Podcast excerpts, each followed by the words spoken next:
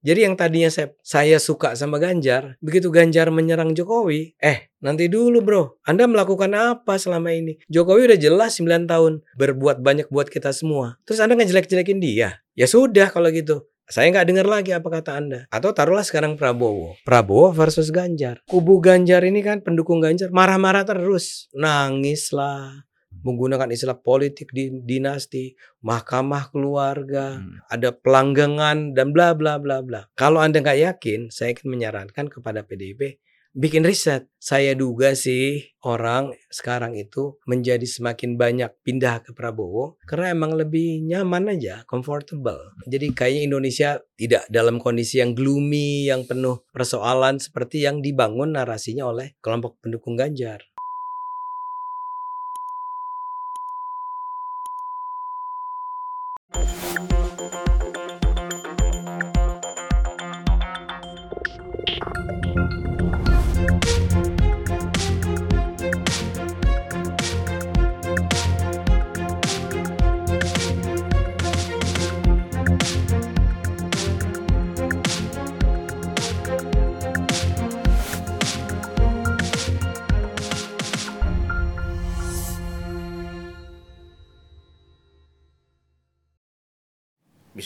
Bismillahirrahmanirrahim.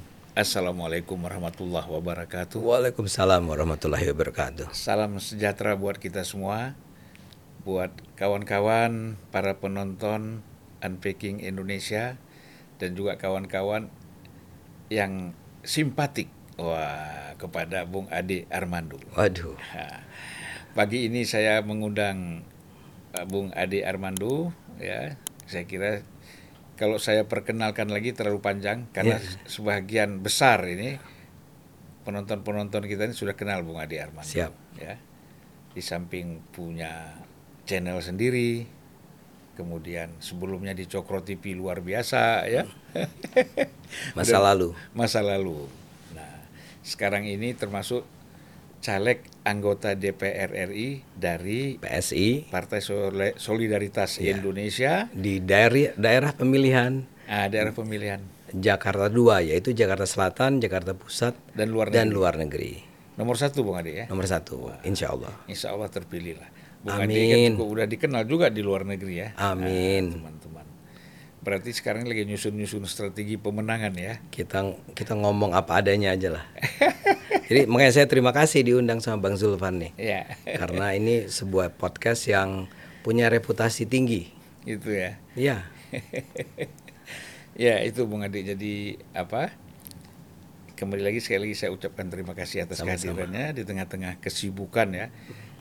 Dan Bung Adi walaupun dari Partai Solidaritas Indonesia kemudian eh, caleg Ya, mendukung Prabowo mendukung Prabowo. tetapi tidak masuk di dalam tim pemenangan Prabowo ya. Ya, tidak. Bukan bagian dari TPN. Kenapa tuh Bung Adi?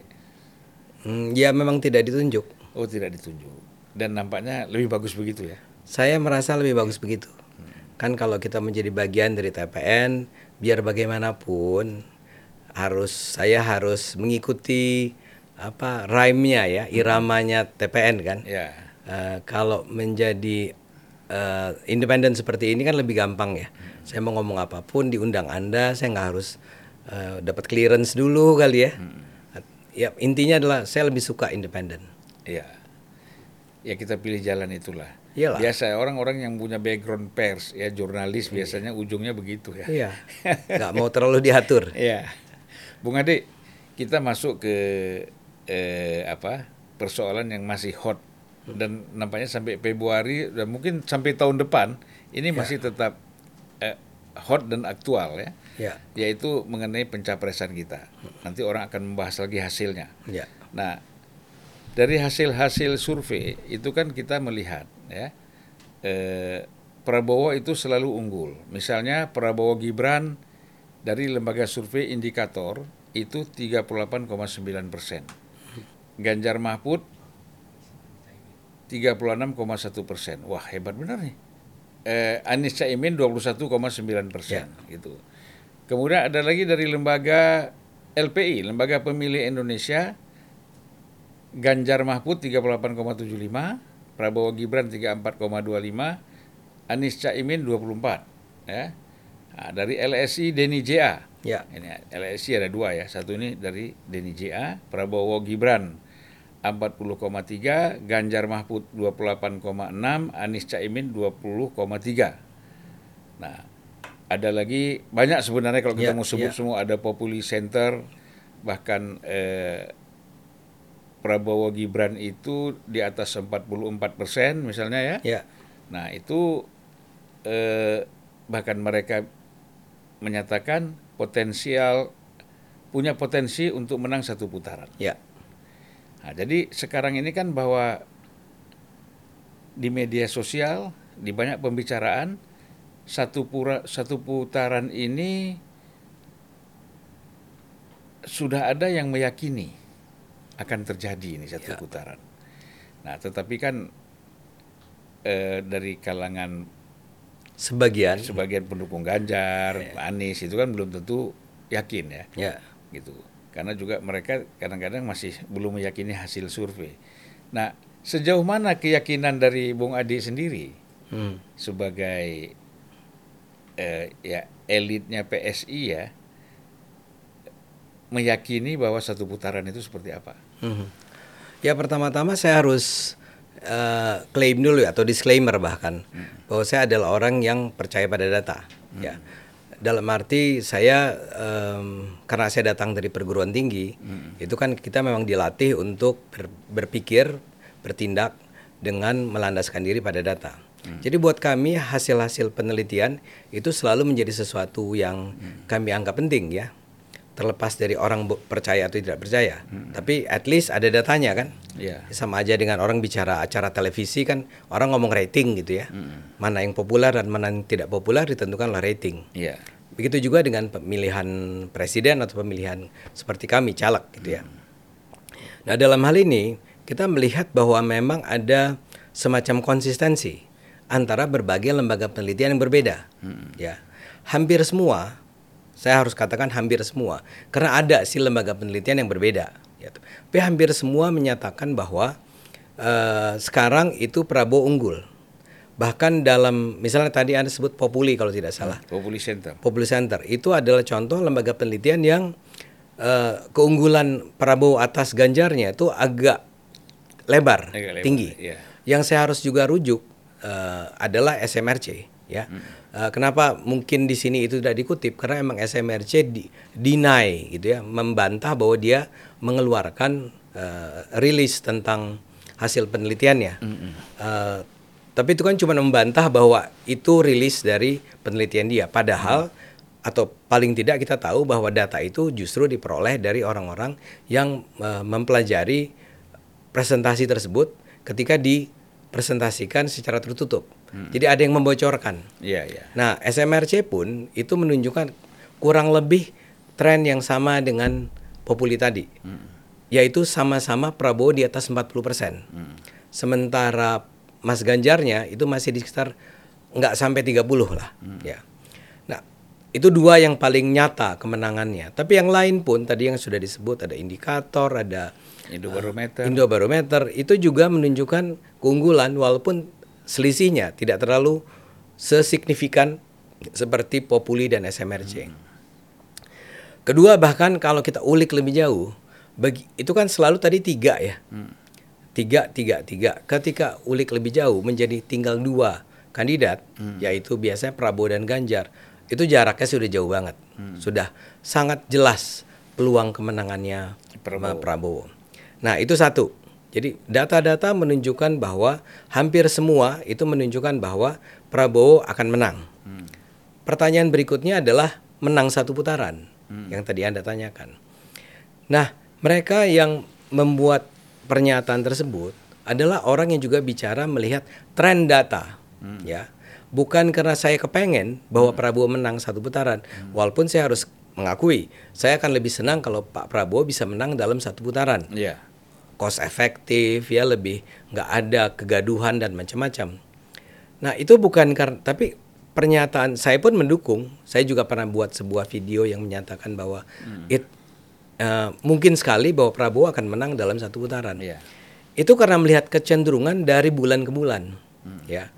Nah, untungnya lembaga-lembaga penelitian besar seperti SMRC, LS, SMRC, LSI, eh, LSI yang Ja- Jaya di Hanan dan LSI yang Deni JA, yang indikator, Indobarometer yang Iya. macam-macam. Itu semua punya penelitian yang tidak cuma satu kali ini saja, bukan pada bulan November saja, bukan pada bulan Oktober saja, tapi juga ada bulan September, ada bulan Agustus, ada bulan Juli, bahkan sampai eh, sudah dilakukan sejak tahun lalu.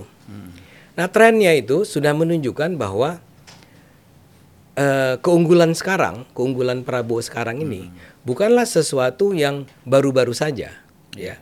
Keunggulan itu sudah bisa dilihat melihat kalau kita bicara grafik tabel, angkanya itu memang menaik terus. Ya. Jadi saya ingat misalnya sekitar awal tahun ini, ya, Ganjar itu masih unggul, ya, Eh, bahkan sempat unggul signifikan dari Iya. Prabowo. Tapi kemudian sejak praktis sejak di terjadinya kasus penolakan tim Israel itu, eh, praktis sebetulnya Ganjar itu suaranya turun terus, Iya. ya, tanpa pernah balik Bahkan sempat 8% ya turunnya.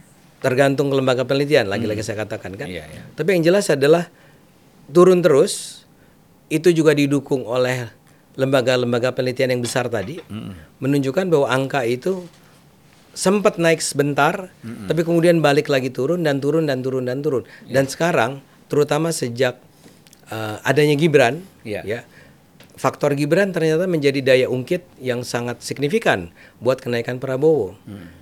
Jadi sta- grafiknya menunjukkan bahwa Prabowo naik terus, Ganjar turun terus. Jadi kalau di kita harus memprediksi dengan mengatakan kalau kecenderungan yang serupa bertahan terus. Misalnya kenaikan 2%, 2%, 2%, 2%, turun 1%, 1%, 1%, maka tak terhindarkan, inevitable bahwa sekitar pada bulan Januari nanti angkanya Pak Prabowo mestinya sudah 50% ya. Tapi memang kita bicara ini berdasarkan statistik ya. Iya, iya. Dan dan di sini ada persoalan apakah Anda percaya dengan angka itu kan? Nah, kalau Anda percaya dengan ang- angka itu, memang eh, siapa pun saya duga akan tiba pada kesimpulan yang sama dengan Pak Hendro Priyono. Kan menarik ya bahwa yang ngomong itu Pak Hendro. Iya. Bukan soal dia intelijennya, tapi soal bahwa dia mertuanya Andika. Andika. Dan Andika sekarang berada di kubunya Ganjar kan. Jadi saya yakin ketika si Pak Hendro bilang ya ini kan intelijen gitu ya. Ya bukan intelijen yang ngomong eh, asal intelijen gitu, bukan karena eh, apa ya namanya investigasi intel gitu ya. Tapi mereka juga ngelihat semua semua indikator yang ada Iya. yang menunjukkan bahwa ini naik terus, ini turun terus. Yang lebih menarik lagi adalah bahwa Anies juga naik terus. Anies eh, Mahfud.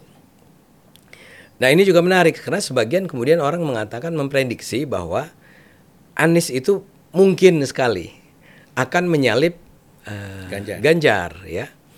Eh, dan dan itu akan menjadi sebuah cerita baru yang menarik karena nanti kalau sampai kalau sampai ternyata yang satu pre satu satu putaran tidak terjadi jadi dua putaran nah di satu putaran di putaran pertama apakah lawannya Prabowo akan Ganjar atau akan Anies itu semua terbuka untuk didiskusikan tentu saja iya. tapi kalau soal satu putaran itu menurut saya atau eh, sekarang dia unggul dan itu akan ter- terjadi dalam satu putaran itu kalau pakai data-data eh, penelitian yang ada, survei-survei yang ada. Dan ini ingat ya, ini bukan survei satu lembaga survei. Ada 6, 7, 8 gitu ya. Cuman satu-satunya yang datanya itu berbeda adalah Carta Politika. Yang dipimpin oleh Mas Yunarto Wijaya, ya. Itu berbeda dan itu mengherankan dan saya bisa kalau Anda mau eh, kalau ada yang mau bertanya pada saya, Anda percaya nggak sama Carta Politika? Saya meragukannya karena kelemahan metod- metodologisnya. Jadi eh, yang satu-satunya yang bertentangan dengan pola lembaga-lembaga penelitian lainnya justru adalah lembaga penelitian yang secara metodologi itu punya problem. Dan memang dalam eh, narasi-narasinya kalau kita lihat memang eh, sangat tidak suka kepada Pak Prabowo Gibran ya. Pak Prabowo Gibran. Tapi ya menurut saya kan kalau anda researcher, kan anda better be kata orang itu menjadi seorang yang nampak berwibawa secara secara apa? Secara akademik intelektual. Kalau Yunarto sayangnya, unfortunately buat dia, unfortunately buat PDIP juga, dia tidak memenuhi syarat semacam itu.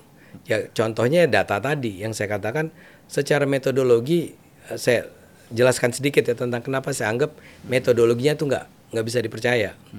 Jadi dia bikin penelitian itu kalau eh, Kak Bang Zulfan baca presentasi-presentasi lembaga penelitian, biasanya di awal tuh ada bagian di mana dia menjelaskan siapa yang diwawancara, siapa yang menjadi sampel, Iya. ya, komposisi demografisnya seperti apa.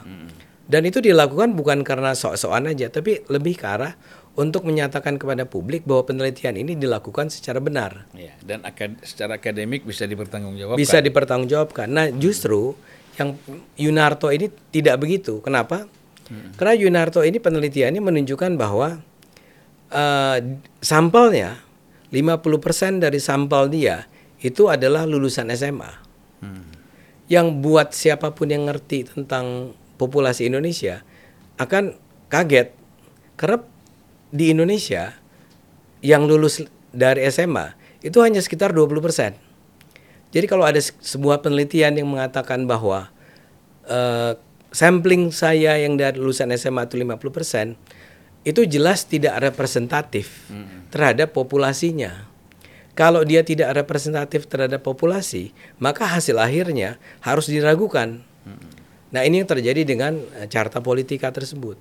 Nah, yang sisanya itu kurang lebih sama semua dan hampir semua sama bahwa Prabowo menang.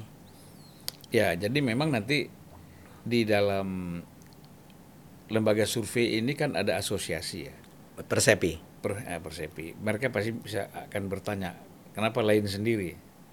Biasa kan gitu. Iya. Kok- Saya nggak tahu apakah itu dila- masih dilakukan atau tidak. Saya dengar masih. Oke, oke. Saya dengar kemarin dari beberapa teman yang eh, punya lembaga survei, artinya kalau memang nanti ada hasil survei yang dianggap aneh, Ya, ya kan, kok lain sendiri nih, ya, itu akan dipertanyakan dan dia harus menjelaskan pertanggungjawaban seperti apa. ya, ya. Nah, itu saya kira penting ya.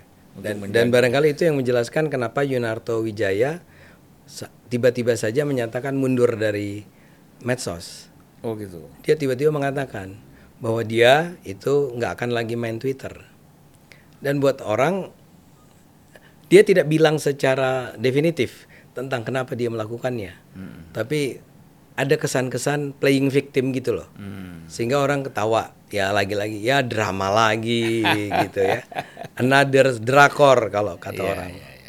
Ya sebaiknya kan kalau lembaga survei itu objektif ya. Yes. Itu paling penting itu objektif. Apa yang ada. Ya kalau memang nggak sesuai tidak usah dirilis. Betul. Simpan aja. Simpan aja. Nah, ya kan taruh di laci. Iya. Nah, nanti. ah, tapi kan biasa kan lembaga survei ini kan ada biaya. Ya. Ada pesanan juga. Nah, Iya. kalau nggak dirilis nggak di ini kan bagaimana susah juga kan pertanggungjawabannya ya. Iya. Nah ini Bang Zul, ini yang kayaknya terjadi sama SMRC. Hmm. SMRC itu kan seperti saya katakan selisih Prabowo Ganjarnya itu jauh. Ya. Mungkin yang tertinggi di antara semua lembaga penelitian sampai 20% kalau nggak salah. Dan itu yang menyebabkan ketika itu saya mengatakan ini kalau gini nih satu putaran. Ya, ya, ya. Nah, tapi SMRC itu mengatakan bahwa ini bukan kami yang merilis. Nah, ke- sekarang pertanyaan kenapa dia nggak rilis? Karena ya, karena SMRC itu adalah lembaga penelitian yang di hire oleh PDIP. Iya, ya. Oh, gitu. Ya, tapi bukan konsultan politiknya ya. Dia adalah lembaga penelitiannya PDIP. Jadi sebetulnya saya duga hasil penelitian itu seharusnya tidak disampaikan kepada publik. Iya. Itu ada deal saya rasa ya antara SMRC dengan kliennya yaitu PDIP. Ya tapi kan begitu Anda sudah buat sebuah eh, hasil presentasi penelitian itu sudah ada udah jadi dan sangat jelas di situ angkanya adalah eh, Prabowo jauh diunggul di atas Ganjar. Siapa pun bisa membocorkannya. Apalagi di zaman sekarang dengan medsos dan seterusnya. Iya, iya. Jadi mungkin sekali sekarang saya ada pertanyaan, siapa yang membocorkannya? Saya yakin itu bukan dari SMRC dong, ya. Karena dia kliennya minta agar ini tidak dibocorkan. Yang menarik adalah dugaan saya ada seseorang di PDIP yang kemudian membocorkannya. Dan itu artinya memang ada orang di dalam PDIP yang ingin agar publik tahu bahwa Prabowo sekarang berposisi jauh di atas Ganjar. Nah, untuk apanya saya rasa Bang Zulfan adalah lebih ahli untuk menjelaskannya. Saya nggak tahu nih, saya ada dapat ini ya, apakah ini yang dari SMRC Heeh. atau bukan, ya kan, atau eh, siapalah gitu. Itu kalau nggak salah 31 Oktober 3 sampai 3 November ya hasil surveinya itu Prabowo Gibran 45,3 persen, Persis, itu dia. Ganjar Mahfud 22,9 persen, Anies Mohaimin 19 persen. Ada lagi yang belum dirilis ini, saya dapat kabar Ya. nggak tahu kapan mau dirilis. Prabowo Gibran 48,8 persen, 48. 8 persen. Kemudian Ganjar Mahfud 26 persen, Anies Caimin 19 persen. Nah, informasi itu mengatakan survei wawancara tetap muka. Yang kedua ini. Nah, yang kedua Ya. ini. Karena yang pertama kenapa nggak dirilis, nggak tega katanya. si Ya. si saya duga begitu. Ah, Tapi bukan nggak tega ya. karena saya nggak tahu itu yang kedua siapa Anda nggak nggak tahu ya. Saya nggak tahu juga saya namanya. Kalau yang pertama itu per- itulah angka yang ditunjukkan oleh SMRC. Ya. Sama kan kurang lebih 46 48. Iya, ya. Eh, sebenarnya kan begini ya. Dari dulu kan kita meyakini Pak Jokowi menang itu kan tetap dari hasil survei. Ya, Ya kan? Mulai 2014, 2019. 2019. Ya kan? Kita lihat hasil survei inilah yang membuat partai-partai koalisi itu mendukung satu calon presiden. Ya, Ya kan? persis. Bung Ade misalnya 2014 Megawati pada saat itu dari hasil survei sempat yang per- tertinggi, ya kan? Ya. Kemudian nggak lama disalib oleh Prabowo, Prabowo tertinggi, Mega Ya. nomor dua. Ya. Lalu ketika Jokowi mengatakan maju sebagai capres, pelan-pelan, pelan-pelan dari nomor tiga jadi nomor dua, sehingga jadi nomor satu, dan angkanya kita nggak tahu ya, tapi bisa dicari itu ya. Ya, ya. Angkanya memang agak signifikan Ya. jaraknya antara Prabowo dengan Jokowi dengan Prabowo. Prabowo dan dengan Bu Mega. Dengan Bu Mega apalagi. Ya. Akhirnya Ibu Mega pakai rasional politik dia mengatakan, lah saya maju surveinya kecil. Ya, Oleh karena itu kita ambil langkah mendukung Jokowi. Jokowi. Betul. Nah, begitu juga 2019. Ya kan? Tetap apalagi 2019 kan Jokowi incumbent. Ya. Ya, nggak mungkin ada yang dari PDIP atau koalisi PDIP Mengganti mungkin, ya. nggak mungkin, nggak Ya. mungkin pasti ke Jokowi.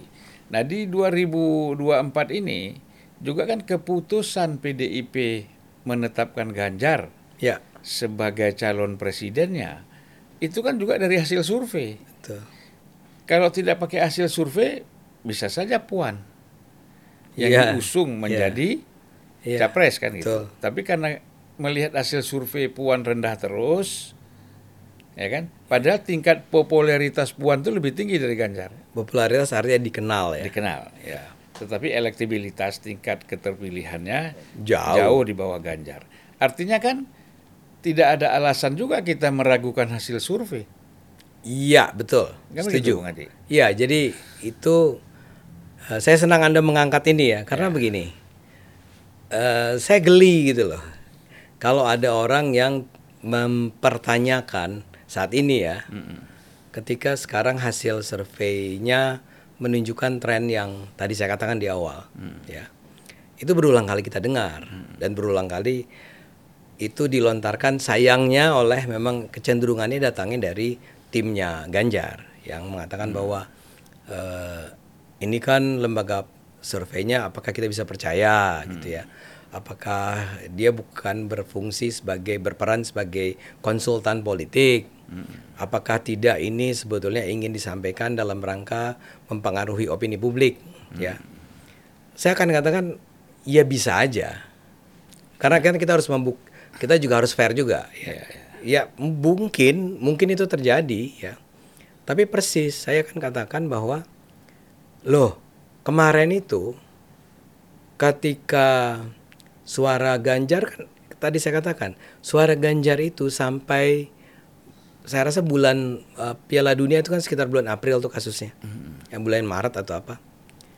Suara Ganjar itu tinggi dan kita semua PDIP juga mengeluh-elukannya dan kalau anda bilang tadi bahkan keputusan untuk menetapkan Ganjar sebagai capres itu terjadi setelah hasil survei secara terus-menerus dari berbagai lembaga penelitian yang berbeda menunjukkan bahwa memang yang didukung masyarakat adalah cap capres eh, Ganjar, bukan capres Puan. Iya. Anda kan mengambil keputusan itu seperti itu.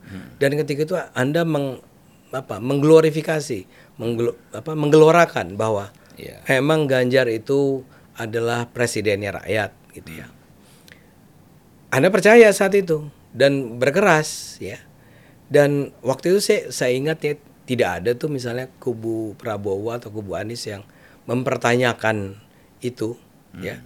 Ya memang kalau Ganjar lagi populer ya marilah kita berusaha mencari cara untuk menyaingi Ya. popularitasnya eh, Ganjar. Jadi nggak pernah ada tuduhan bahwa ini tidak bisa dipercaya. Tapi kok tiba-tiba sekarang ya. Ketika sekarang ternyata setelah sekian lama eh, apa namanya? ya pra kampanye berlangsung lah ya. Terbukti bahwa atau terungkap bahwa suara Ganjar sekarang jauh di bawah eh, Prabowo. All of a sudden tiba-tiba saja Anda menuduh bahwa ada sesuatu yang nggak beres nih dengan hasil-hasil penelitian ini. Iya. Jadi lembaga penelitian kita ini, Anda percaya atau nggak percaya, setuju atau nggak setuju, dari dulu sudah digunakan kok, ya. Iya, iya. Saya rasa bahkan dari 2000. Anda bilang 2014. 2014 kan memang agak menarik karena gara-gara hasil survei lah Jokowi diajukan kan. Iya. Kalau nggak mungkin waktu itu Megawati kan. Mega maju lagi. Mega maju lagi kan. Tapi karena kelihatannya Megawati nggak ada harapan nih kalau disuruh lawan Prabowo. Kebetulan ada nih orang namanya Jokowi yang waktu itu adalah gubernur ya. Gubernur DKI. Gubernur Baru DKI. dua tahun gubernur. Baru dua tahun sebelumnya di Solo. Akhirnya karena angka survei maka yang diajukan adalah eh, Jokowi. Iya. Ya. Jadi sedemikian kuat memang pengaruh hasil survei tersebut. Persoalan hasil surveinya itu adalah sesuatu yang reliable atau enggak itu kan soal berikutnya.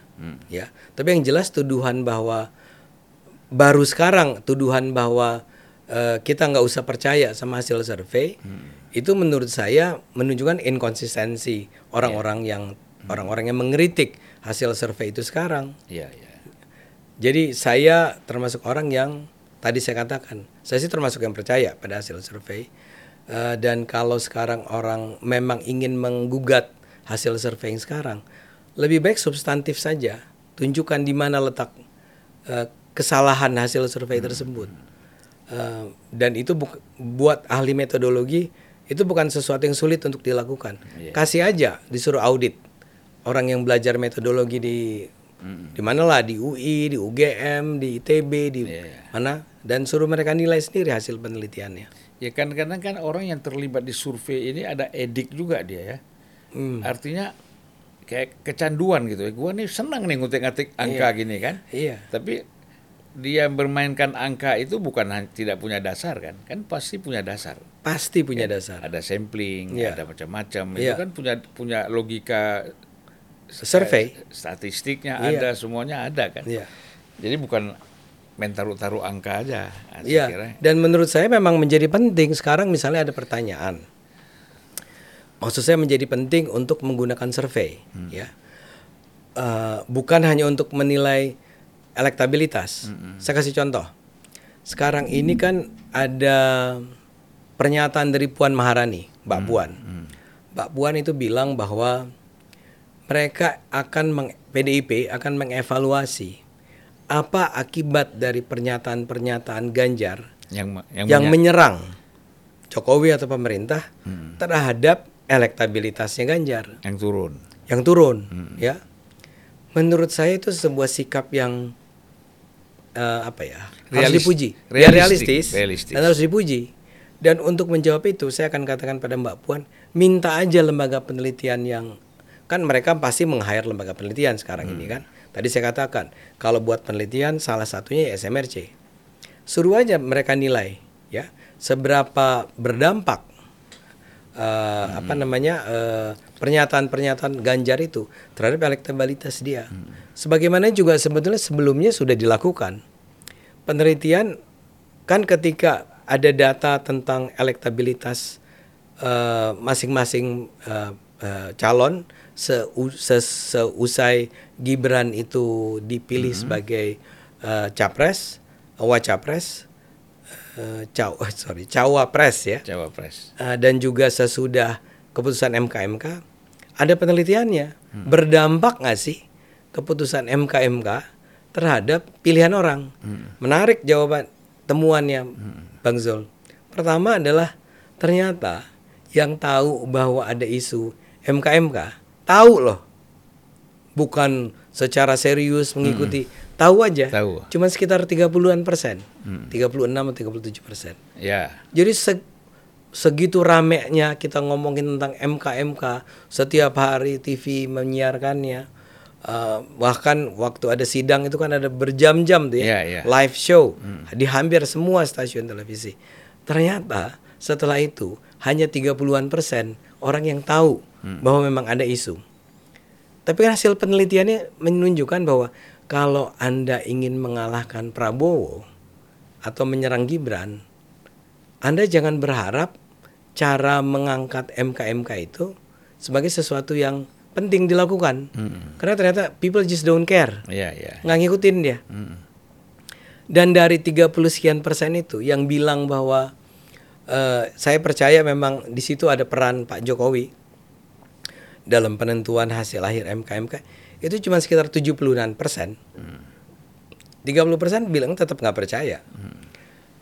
Nah hasil Dari 30 persen ya. dari dari 30 persen itu Iya, iya. 70 persen jadi cuma sekitar 20-an. Karena ada persepsi begini, orang mengambil 70-an itu dari total. Padahal kan dari Persis. dari 30 persen, kemudian 68 persen kalau saya nggak Oh, salah. 68 persen 68 persen mengatakan percaya, Percaya. bahwa ada Ya. cawe-cawenya Pak Jokowi ya. Nah, itu aja udah agak menipu kan hasil apa sih judul berita semacam itu. Ya. Cuman saya ngerti lah media kan harus agak inilah Ya, agak ya, ya. agak menarik gitu ya. Artinya memang penelitian itu jadi penting untuk kalau Anda sekarang masih juga ngomongin MK-MK ya dengan tujuan untuk menjatuhkan atau mengalahkan Prabowo Gibran, saya menganggap bahwa itu bukan cara yang strategi yang tepat. Waktu udah tinggal dua dua tiga bulan lah ya. Anda mengangkat sebuah isu yang pi- orang juga nggak peduli dengan isu itu, Iya, ya. iya. Eh, jadi untuk- rata-rata hasil survei kan kesimpulannya seperti itu. rata-rata hasil survei. Iya. Nah, lagi-lagi menjadi penting ada survei untuk menunjukkan bahwa kita ambil jalan yang mana nih? Karena itu pertanyaan Bu Puan, Mbak Puan itu jadi penting. Sekarang kan tiba-tiba saja Ganjar itu mengambil jalan sebagai semacam oposisi gitu loh ya terhadap Pak Jokowi. Iya. Di nilai nilai apa? Dia bilang skornya 5. Bahkan Pak Ganjar ini, Mas Ganjar saking lupanya dia sempat mengeritik bahwa pelaks apa masalah hukum di era Jokowi sangat nilainya 5. lima. Ya. dan lupa Sementara- bahwa wakilnya adalah, adalah Menko Menko Polhukam. Memang kemudian berusaha dijelaskan. Itu maksudnya gini loh, lima itu setelah MK. MK. Ah, Tapi Anda bayangkan nggak penonton Indonesia tuh Hmm. malah ya udahlah ya. Hmm. Kenapa Anda harus main di eh, di cara yang menyerang seperti itu? Hmm. Dan ini sebuah hal yang penting untuk mempelajari. Kenapa orang sekarang misalnya Gen Z menjadi mencintai Prabowo misalnya ya. Eh, kenapa angkanya naik terus? Ya. Apakah isu-isu tentang HAM, penculikan, itu nggak berdampak? Mungkin sekali emang nggak berdampak. Orang kayak udah bilang bahwa udahlah kita ngelihat ke depan, kita nggak mau ngelihat ke belakang. Itu intuisi saya ya. Saya Iya. menduga bahwa Misalnya kenapa Gen Z itu sangat suka dengan atau cenderung untuk memilih Prabowo? Misalnya dengan istilah paling gampangnya kan sekarang gemoy itu. Hmm. Itu kan memang menunjukkan bahwa anak-anak muda ini nggak mau terlalu rumit-rumit ya. Jadi di satu sisi dia lihat dan ini yang saya rasa kalau saya mau kasih masukan buat PDIP, Ya. udah lama sih Bang saya bilang ini ke PDIP. PDIP pertama jangan arogan. PDIP jangan menyebut eh, Jokowi eh, Ganjar petugas partai. Eh, jangan mengambil jarak dari Jokowi. Jokowi itu adalah pemimpin yang dicintai. Hampir 80% kalau nggak salah. 85 persen. 85% orang mencintai Jokowi. Ini kan gini Bang, kalau saya mencintai ya misalnya saya menganggap Jokowi is the best, ya. Saya sebetulnya juga menyukai Ganjar, Iya. ya. Tidak sebesar saya menyukai Jokowi. Jokowi. Tapi kalau sekarang Ganjar yang dua orang yang saya suka ini, yang satu diem aja ya, terus satu nyerang. Kecenderungan saya secara psikologis adalah Iya. harus memilih. Saya lebih lebih percaya siapa nih? Kalau nyerang itu kan menzalimi. Ya, apa pun Bahasanya ya, kan gitu. Bahasanya kan menzalimi, negatif, Negatif. ingin mendorong. Bang, jelek itu si Jokowi itu. Hmm. Tapi Jokowi itu orang yang dicintai oleh Bang Zul, Nah. ya. Kemungkinan besar itu ada teori-teori psikologinya tuh, ya. Hmm. Teorinya akan bilang bahwa Anda akan punya kecenderungan untuk memang salah satu kemungkinannya Anda mengubah cara pandang Anda mengenai Jokowi. Tapi yang lebih most likely yang terjadi, Anda mengubah cara pandang Anda terhadap orang yang bilang bahwa Jokowi itu eh, jelek, Jelek, ya. ya. Jadi yang tadinya saya saya suka sama Ganjar, begitu Ganjar menyerang Jokowi, eh nanti dulu bro. Anda melakukan apa selama ini? Jokowi udah jelas 9 tahun berbuat banyak buat kita semua. Hmm. Terus Anda ngejelek-jelekin dia, ya. Ya sudah kalau gitu. Saya nggak dengar lagi apa kata Anda. Hmm. Atau taruhlah sekarang Prabowo. Prabowo versus Ganjar. Kubu Ganjar ini kan pendukung Ganjar marah-marah terus. Iya. Nangis lah di depan kamera ber- bercucuran air mata. Menggunakan istilah politik di dinasti mahkamah keluarga eh, ada pelanggangan dan bla bla bla bla. Dan Prabowo adalah orang yang tahun eh, apa punya jejak eh, rekam jejak yang buruk dalam dalam apa dalam politik menculik dekat sama Soeharto bla bla bla. Ini adalah narasi yang terus di, di, di, di, di- disebarkan oleh kelompoknya Ganjar. Eh ketemu lawan yang joget-joget. Hmm. yang kayak nggak peduli ya. Hmm. ya sorry kita nggak ada urusan sama itu semua. Hmm. Eh, bahkan kalimat yang terkenalnya kita jangan pernah menyerang kalau kita diserang. Saya nggak terlalu setuju cuman saya pikir it does make sense gitu kan. Dan ternyata orang seneng. Emang kita udah ingat loh 2014 2019 2017 orang capek dengan pemilu Hmm. karena saling serang kan. Sekarang mungkin ada harapan yang besar bagi orang untuk melihat sebuah pemilu yang berbeda. Jadi kalau anda terus menerus menekankan pada soal eh, masa sih nanti kita akan punya presiden yang dilahirkan oleh sebuah eh, proses yang melanggar konstitusi, ya orang akan melihat ya tapi hasilnya baik. Jadi buat apa kita marah-marah? Iya. Saya tidak ingin mengatakan marilah kita dukung Prabowo. Saya mau bilang bahwa kayaknya salah banget apa yang dilakukan oleh kubunya Ganjar. Nah, kalau Anda nggak yakin, saya ingin menyarankan kepada PDIP bikin riset. Risetnya tuh cukup satu dua pertanyaan sama orang yang Anda hubungi itu. Bisa lewat telepon kan? Hmm. mengatakan apa pendapat Anda? Apa pendapat Anda mengenai MKMK? Apa pendapat Anda mengenai Gibran dipilih sebagai bla bla bla? Coba lihat hasilnya. Saya duga sih orang sekarang itu menjadi semakin banyak pindah ke Prabowo karena emang lebih nyaman aja, comfortable.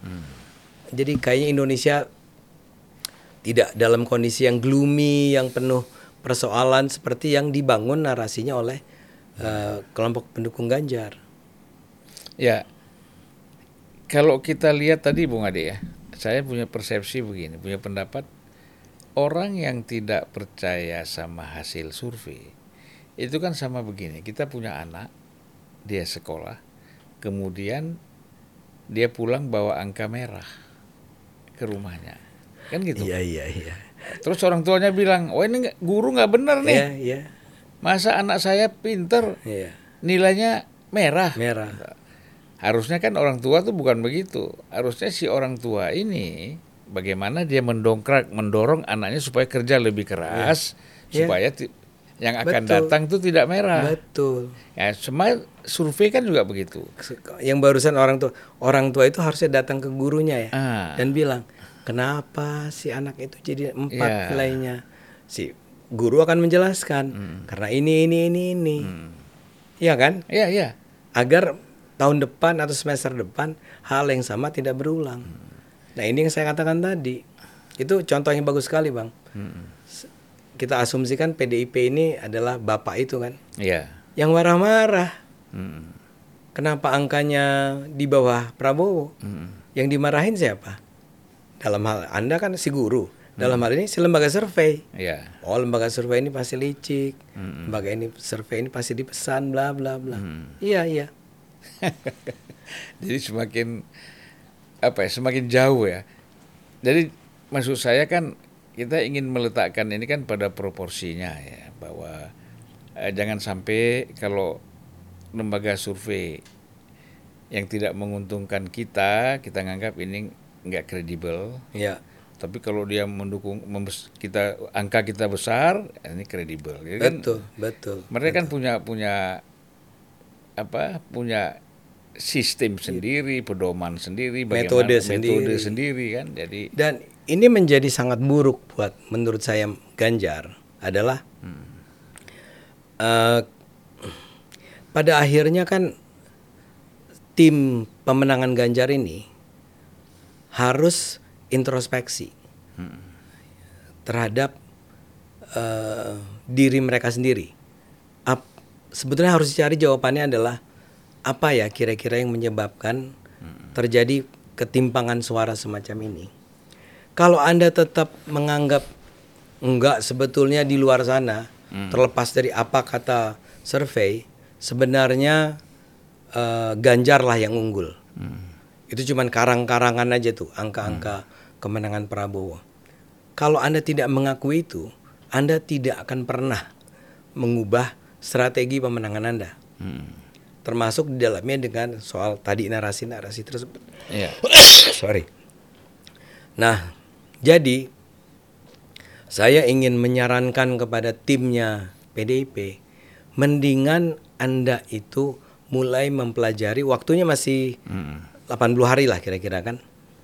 Masih ada cara untuk mengubah itu daripada dengan terus-menerus berharap bahwa eh, kalau saya ungkapkan borok-boroknya Prabowo atau Jokowi atau pemilu saat ini, maka ini akan membawa hasil yang positif buat keunggulan Ganjar. Publik akan terbuka matanya dan kemudian publik akan mulai ya ngapain kita dukung Prabowo kalau sistemnya sebusuk ini. Marilah kita dukung Ganjar. Atau juga berusaha berhentilah berusaha menyerang keluarga Jokowi. Serangan terhadap keluarga Jokowi ini luar biasa loh, Bang. Dan kalau dulu kan yang dilakukan oleh kelompok-kelompok tertentu yang bahwa dia anak PKI, dia menjual eh, Indonesia ke Tiongkok, ke Cina gitu ya. Eh, terjadi pelanggaran HAM bla bla bla bla. Kalau sekarang ya dengan pelaku yang berbeda, bentuk-bentuk propaganda eh, hitam semacam ini juga dilakukan.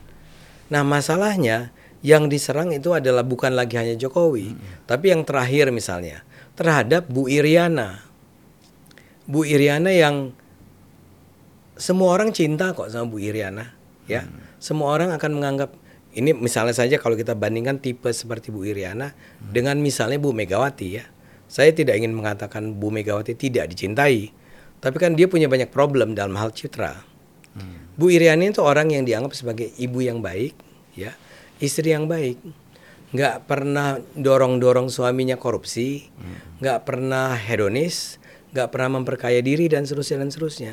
Kalau sekarang Bu Iriana juga diserang, ya, yang terjadi adalah yang tadi saya katakan, saya mencintai Bu Iriana, saya mencintai Pak Ganjar, tapi kalau kubunya Pak Ganjar yang saya cintai itu menyerang Bu Iriana yang sangat saya hormati sebagai ibu negara, maka yang terjadi adalah counterproductive, bumerang, efeknya akan efek bumerang.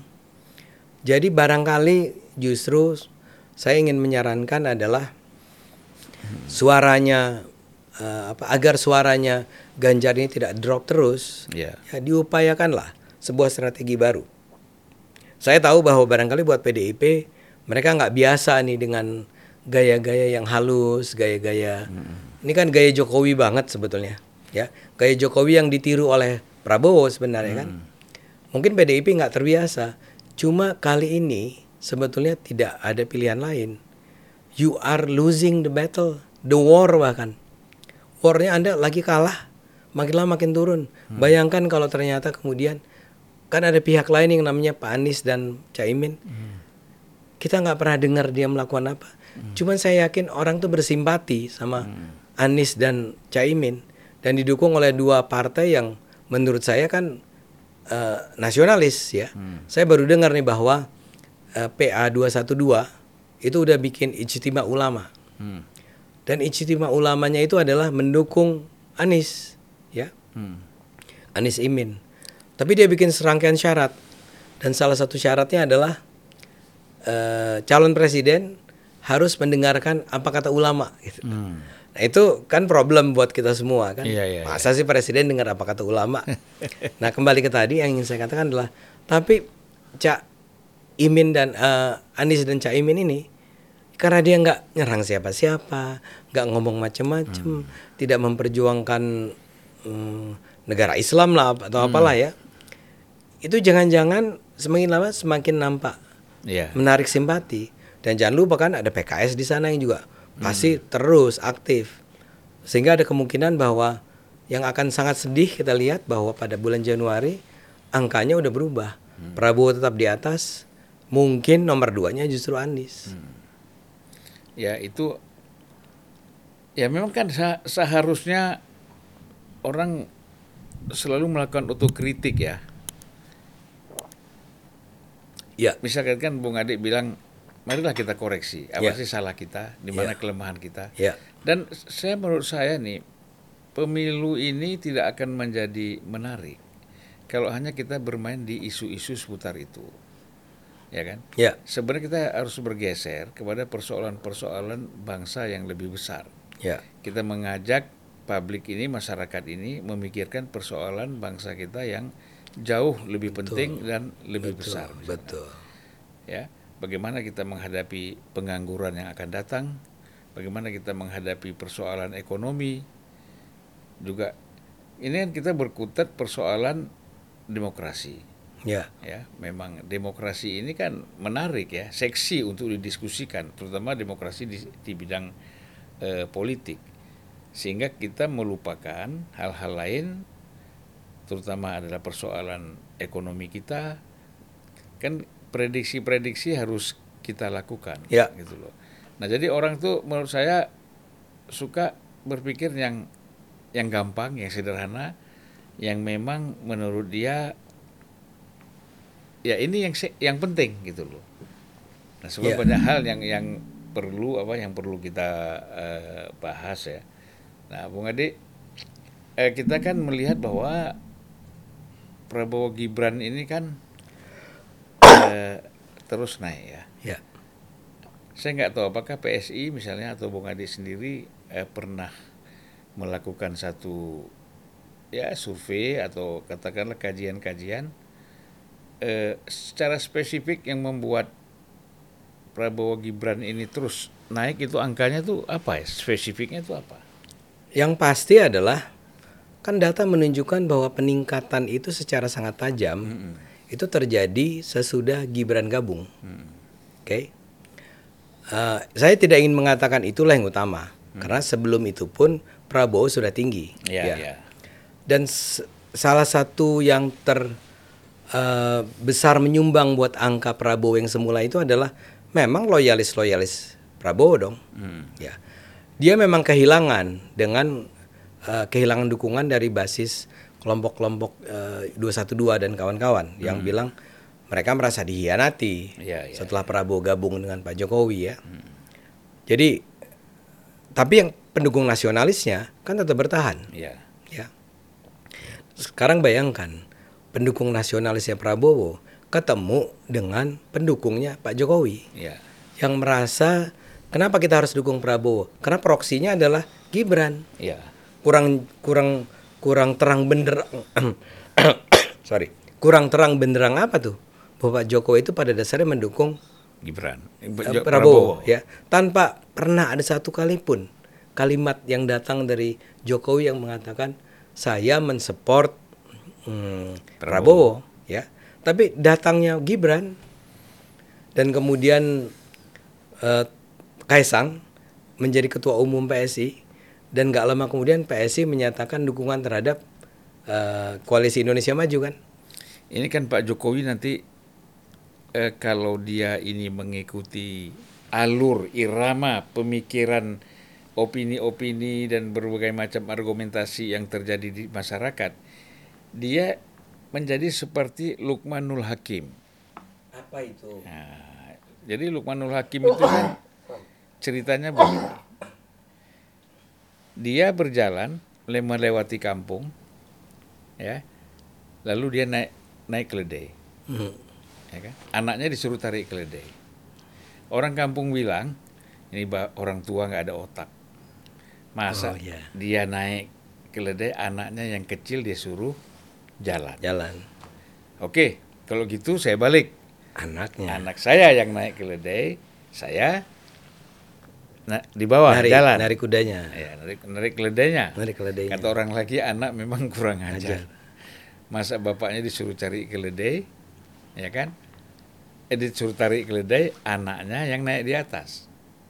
Nah, kalau gitu udah kita dua-duanya turun. Ya kuda eh, keledai jalan tanpa Iya, di mereka dua-duanya megang tali keledai. Oh, iya, iya. Masuk satu kampung yang ketiga. Dasar bego tuh orang tua sama anak. Ada keledai jalan kaki. nah, jadi kalau kita pikir begitu ya bahwa Pak Jokowi ini kan serba salah, ya ya kan? Dia misalnya tidak mendukung Ganjar, eh Gibran Ya. dan Prabowo. Lalu kalah. Terus orang bilang memang bapak bego. Ma, ngapain dia jadi presiden Iya, anaknya kalah? Ya kan? Terus Gibran Prabowo menang. Orang bilang lagi, bagaimana nggak menang? Orang di situ ada, Ada bapaknya Jokowi, presiden. iya, iya. Nah, jadi ini serba salah sebenarnya kan. Nah, jadi kalau saya ambil contoh itu kondisi Pak Jokowi ini seperti kondisinya Lukman Nur Hakim itu tapi tadi. saya rasa bang Jokowi sekarang udah firm Hmm. mungkin dia sebelumnya ada keraguan tapi sekarang dia udah all out lah Iya. ya Eh, jadi kayak dia mau bilang eh jangan udah deh kalian jangan ragu-ragu lagi nih karena pendukung Jokowi kan ragu ragu ragu ragu Iya. dia mau ke mana sih dia mau ke mana sih dia mau ke mana sampai sekarang saya masih yakin ada para pendukung Jokowi yang masih berharap sebetulnya Jokowi itu akan mendukung Ganjar saya rasa masih ada Iya, iya, Ya. iya.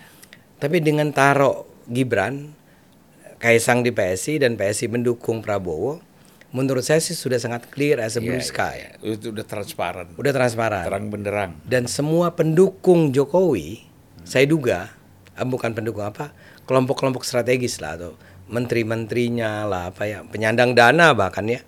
Sekarang udah tahu nih oh kalau gitu eh, taruhannya jelas nih ya. Kalau mau investasi sekarang di sini aja. Karena kekuatannya tadi luar biasa. Tadi saya ingin menambahkan satu hal. Kenapa Prabowo sekuat itu? Satu adalah pendukung Prabowo yang lama. Sekarang dapat pendukung eh, Jokowi plus pendukung Gibran. Iya, iya. itu saya sering sekali dengar ya. Dulu tuh saya udah dengar eh, saya kan dulu masih ngajar tuh ketika di kelas ngobrol sama mahasiswa ketika itu saya masih ganjar. Dan saya kaget-kaget dengan jawaban mahasiswa saya tidak ingin mengarahkan mereka kan. Tapi ketika saya tanya dukung siapa? Kayaknya Prabowo bang. Ya. Eh, dan salah satu argumen yang paling sederhana itu adalah ya orang ini udah dua kali maju, udah tiga. Mereka biasanya menyebut dua kali maju, tidak tiga kali maju kan? Karena ketika dia menjadi cawapres itu didn't count kata orang lah ya. Jadi s- sesederhana bahwa bukan karena dia memiliki achievement macam-macam apa pun, orang menganggap bahwa memang udah waktunya lah. Dan di sisi lain memang dari saya semakin melihat ada ketidaksukaan ya terhadap PDIP. Nah, cuma seka- nah sekarang kelompok-kelompok ini, kelompok Z ini, Z ini itu semakin banyak yang meng, apa ya?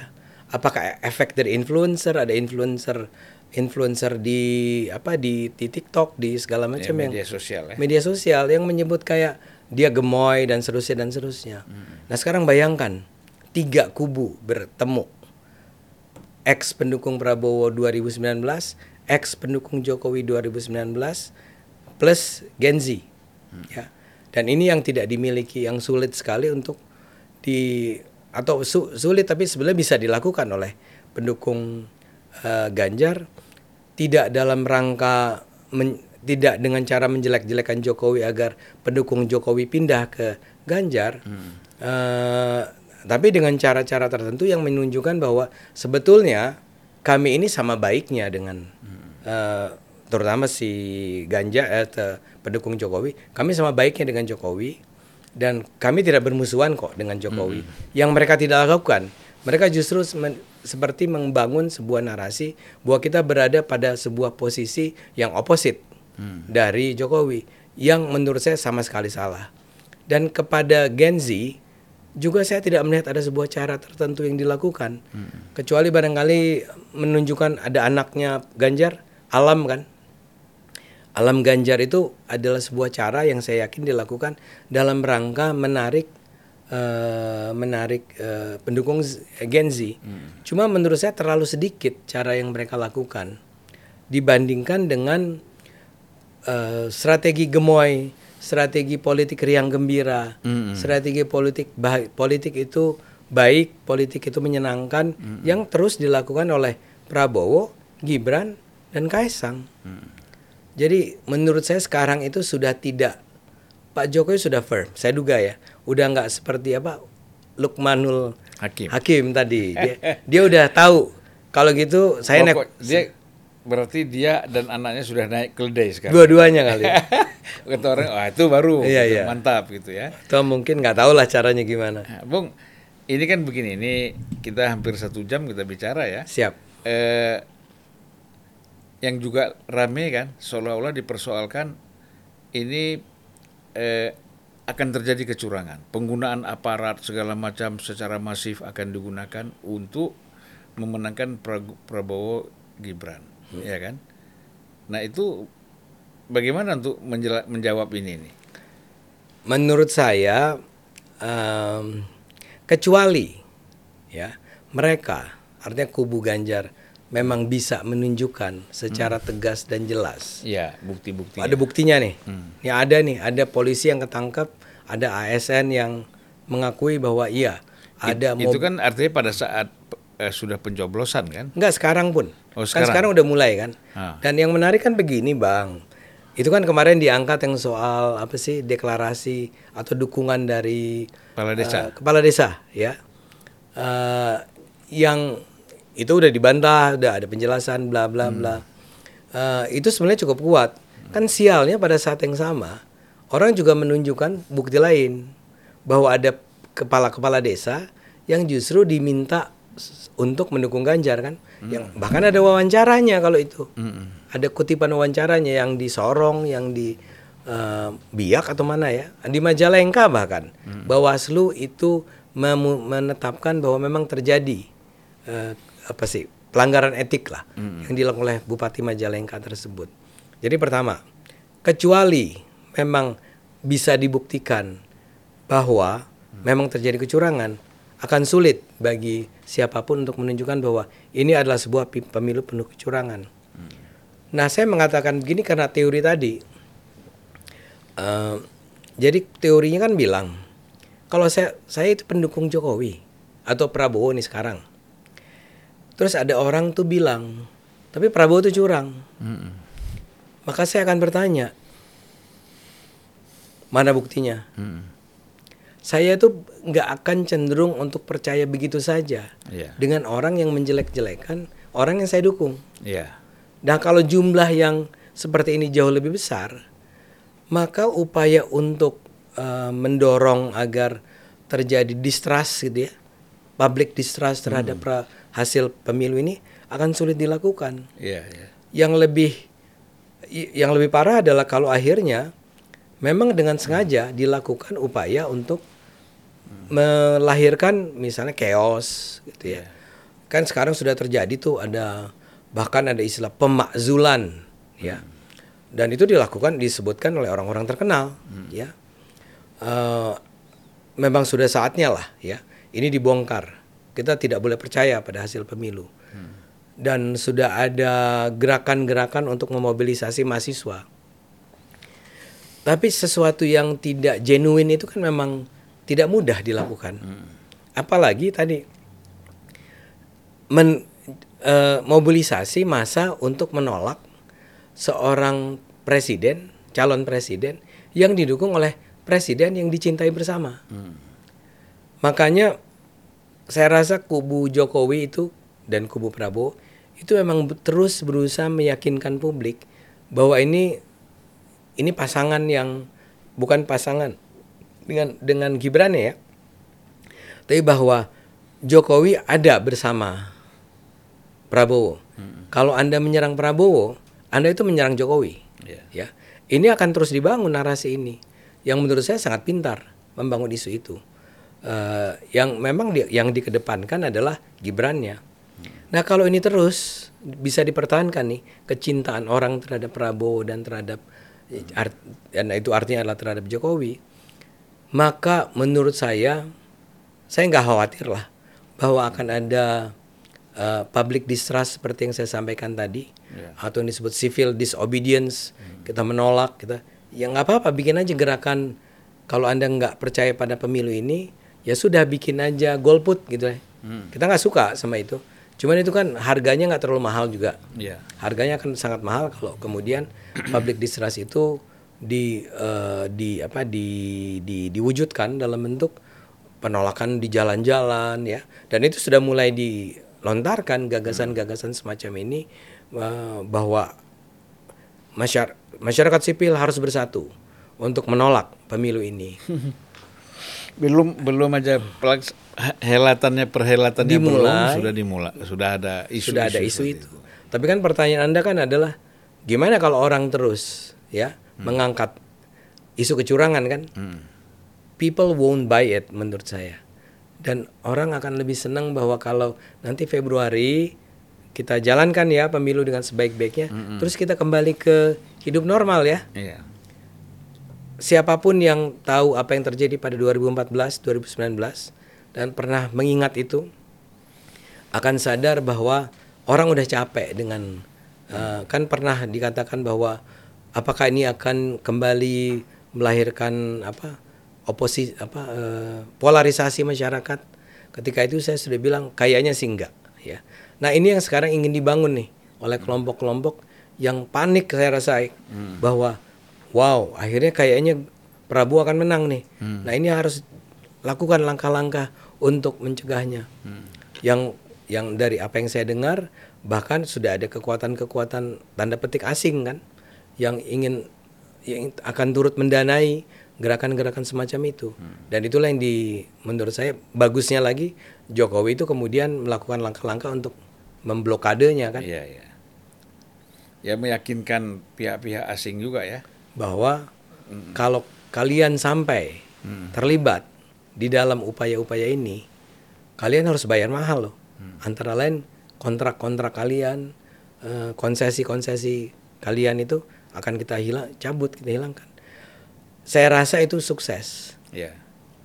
Baik, Bung Ade, mungkin masuk yang ke terakhir ini karena kita sudah bicara luas sekali. Kita lupa saya mau nanyakan itu tentang ada dua hal.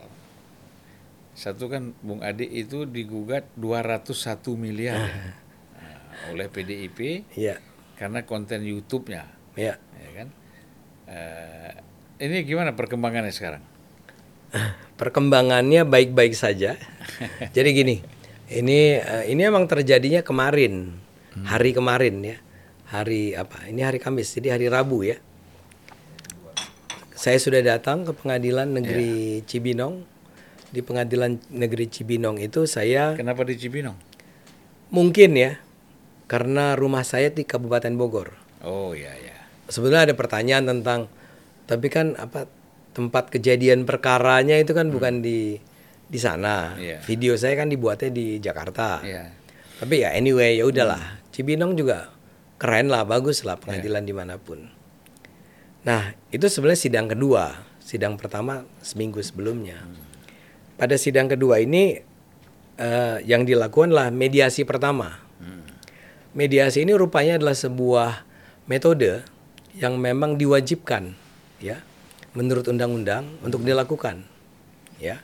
Mediasi ini kelihatannya gini kira-kira daripada semua berkepanjangan nih kasus sampai harus sidang, harus memakan biaya besar. Gimana kalau kata negara kata negara ini eh, ini dilakukan mediasi dulu. Syukur-syukur kalau dalam proses mediasi ditemukan titik temu lah di antara pihak-pihak yang bertikai. Tapi itu wajib, wajib dijalankan mediasi tersebut. Itu pertama. Kedua, mediasi tersebut wajib dihadiri oleh penggugat maupun tergugat. Tergugat. Saya tergugat Ya. yang 201 miliar tersebut. Nah, yang penggugatnya selama ini dikatakan itu PDIP. Mm-mm. Yang mengajukan gu- gugatan ke saya itu wah, adalah sebuah lembaga bantu- bantuan hukum, whatever lah ya dari PDIP. Ditanya dong sama hakim, ya Anda kan kuasa hukum, namanya juga kuasa hukum, Anda itu membawa mandat dari pihak tertentu. Siapa Pak yang menandatangani pemerintahan, eh, menandatangani eh, perintah untuk menggugat saya? Dibukalah suratnya. Adalah satu Pak Hasto Kristianto, kedua adalah Yasona Lauli. Oh, Menkumham. Menkumham. Jadi di mata hukum yang menjadi penggugat adalah dua orang tersebut, Pak Hasto dan Pak Yasona. Ya, jadi kesimpulan berikutnya Pak Hasto dan Pak Yasona ini harus hadir dalam sidang mediasi. Iya, iya, iya. Kemarin itu berlangsung kan mediasi. Kuasa hukumnya bilang bahwa Pak Hasto dan Pak Yasona nggak bisa hadir. Ditanya kenapa? Kalau nggak salah jawabannya adalah karena saya nggak baca. Dia s- serahkan secara tertulis. Eh, saya nggak tahu tapi barangkali mengatakan ada tugas negara atau apa pun. Si hakim hakim mediator bertanya, ada buktinya nggak bahwa beliau-beliau ini memang tidak bisa hadir karena alasan ini. Ternyata nggak ada. Sehingga kata si mediator, oh kalau gitu nggak bisa. Kita minta minggu depan Pak Yasona dan Pak Hasto datang ke sidang ini, mediasi ini. Dan kalau tidak lagi datang, jadi ada aturan ya di dalam peraturan MA itu dikatakan bahwa kalau dua kali berturut-turut tidak datang, maka pengadilan itu berhak untuk menyatakan bahwa gugatan batal. Karena kehadiran penggugat itu sebetulnya menunjukkan itikat baik. Saya sebagai tergugat sudah datang nih. Itu menunjukkan itikat baik saya. Kalau minggu depan diulang lagi, saya akan datang lagi. Nah, karena itulah dikatakan bahwa Pak Hasto dan Pak Yasona ini harus hadir kalau tidak kemungkinan akan dibatalkan, akan ditolak sama sekali gugatan yang tersebut. Jadi perkembangan terakhirnya menurut saya ya saya sih percaya pada ya walaupun kan eh, pengadilan pengadilan negeri itu tentunya dia di bawah Kementerian Hukum kan? Ya, aduh, pengadilan. Ya. Pengadilan bukan di bawah Mahkamah Agung. Ya Mahkamah Agung tuh eh, ini ya, Independen. independen. Lembaga tinggi negara. Jadi hakim itu tidak di bawah Oh, enggak. kementerian. Oke.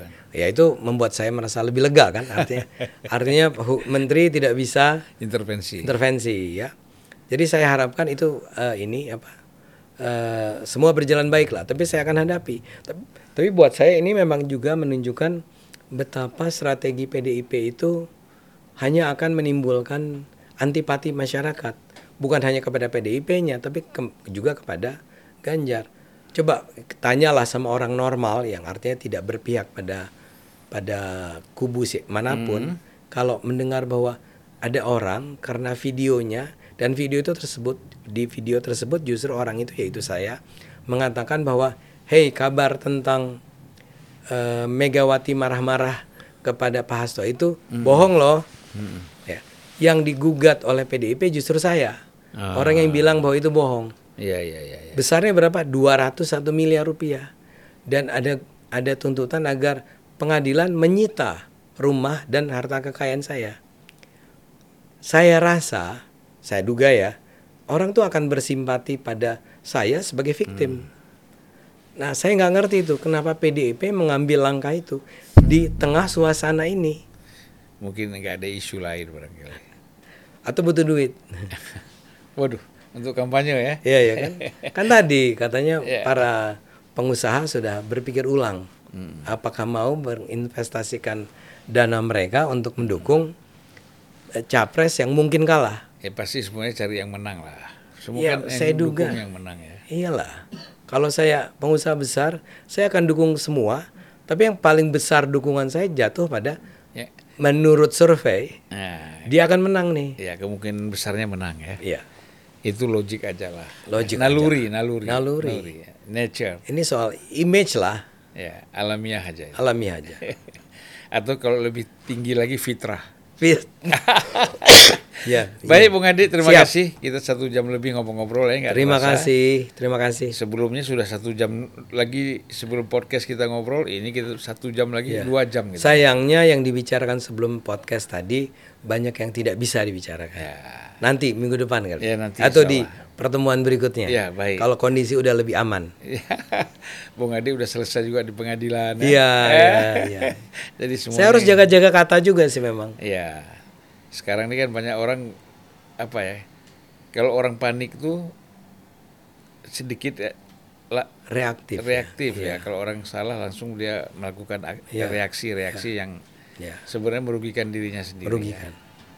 Baik, Bung Adik, terima kasih. Terima kasih. Ya, assalamualaikum warahmatullahi wabarakatuh. Waalaikumsalam warahmatullahi wabarakatuh.